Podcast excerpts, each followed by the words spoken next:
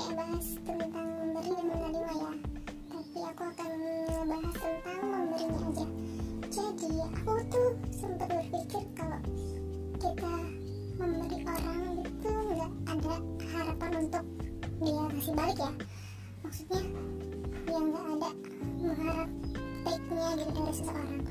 Karena menurutku gini sih kalau aku mengharapkan feedbacknya dari orang tersebut aku tuh akan berekspektasi gitu akan kayak uh, kayak berpikir nanti nih kalau aku lagi begini kan ada dia ada semacam bla bla bla bla.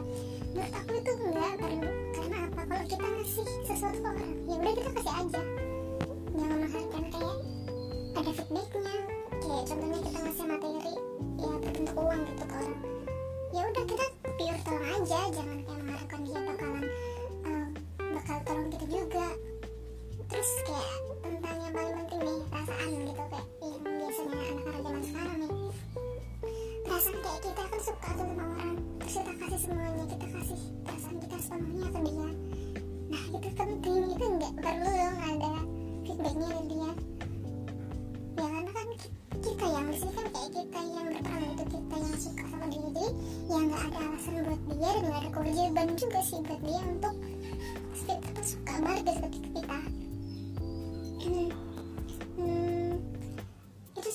aku pikirin kayak akhir-akhir ini.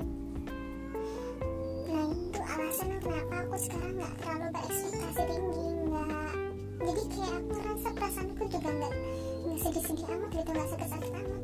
Ya kalau gue suka sama dia ya udah gitu. Kalau gue sayang sama dia ya gue udah kasih semua gitu perasaannya. Terus nggak mengharapkan apa-apa. Ya nggak apa-apa. Serius itu nggak apa-apa.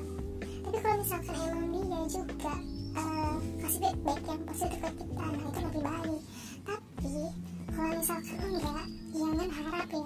Karena itu akan buat hati kalian juga sakit sendiri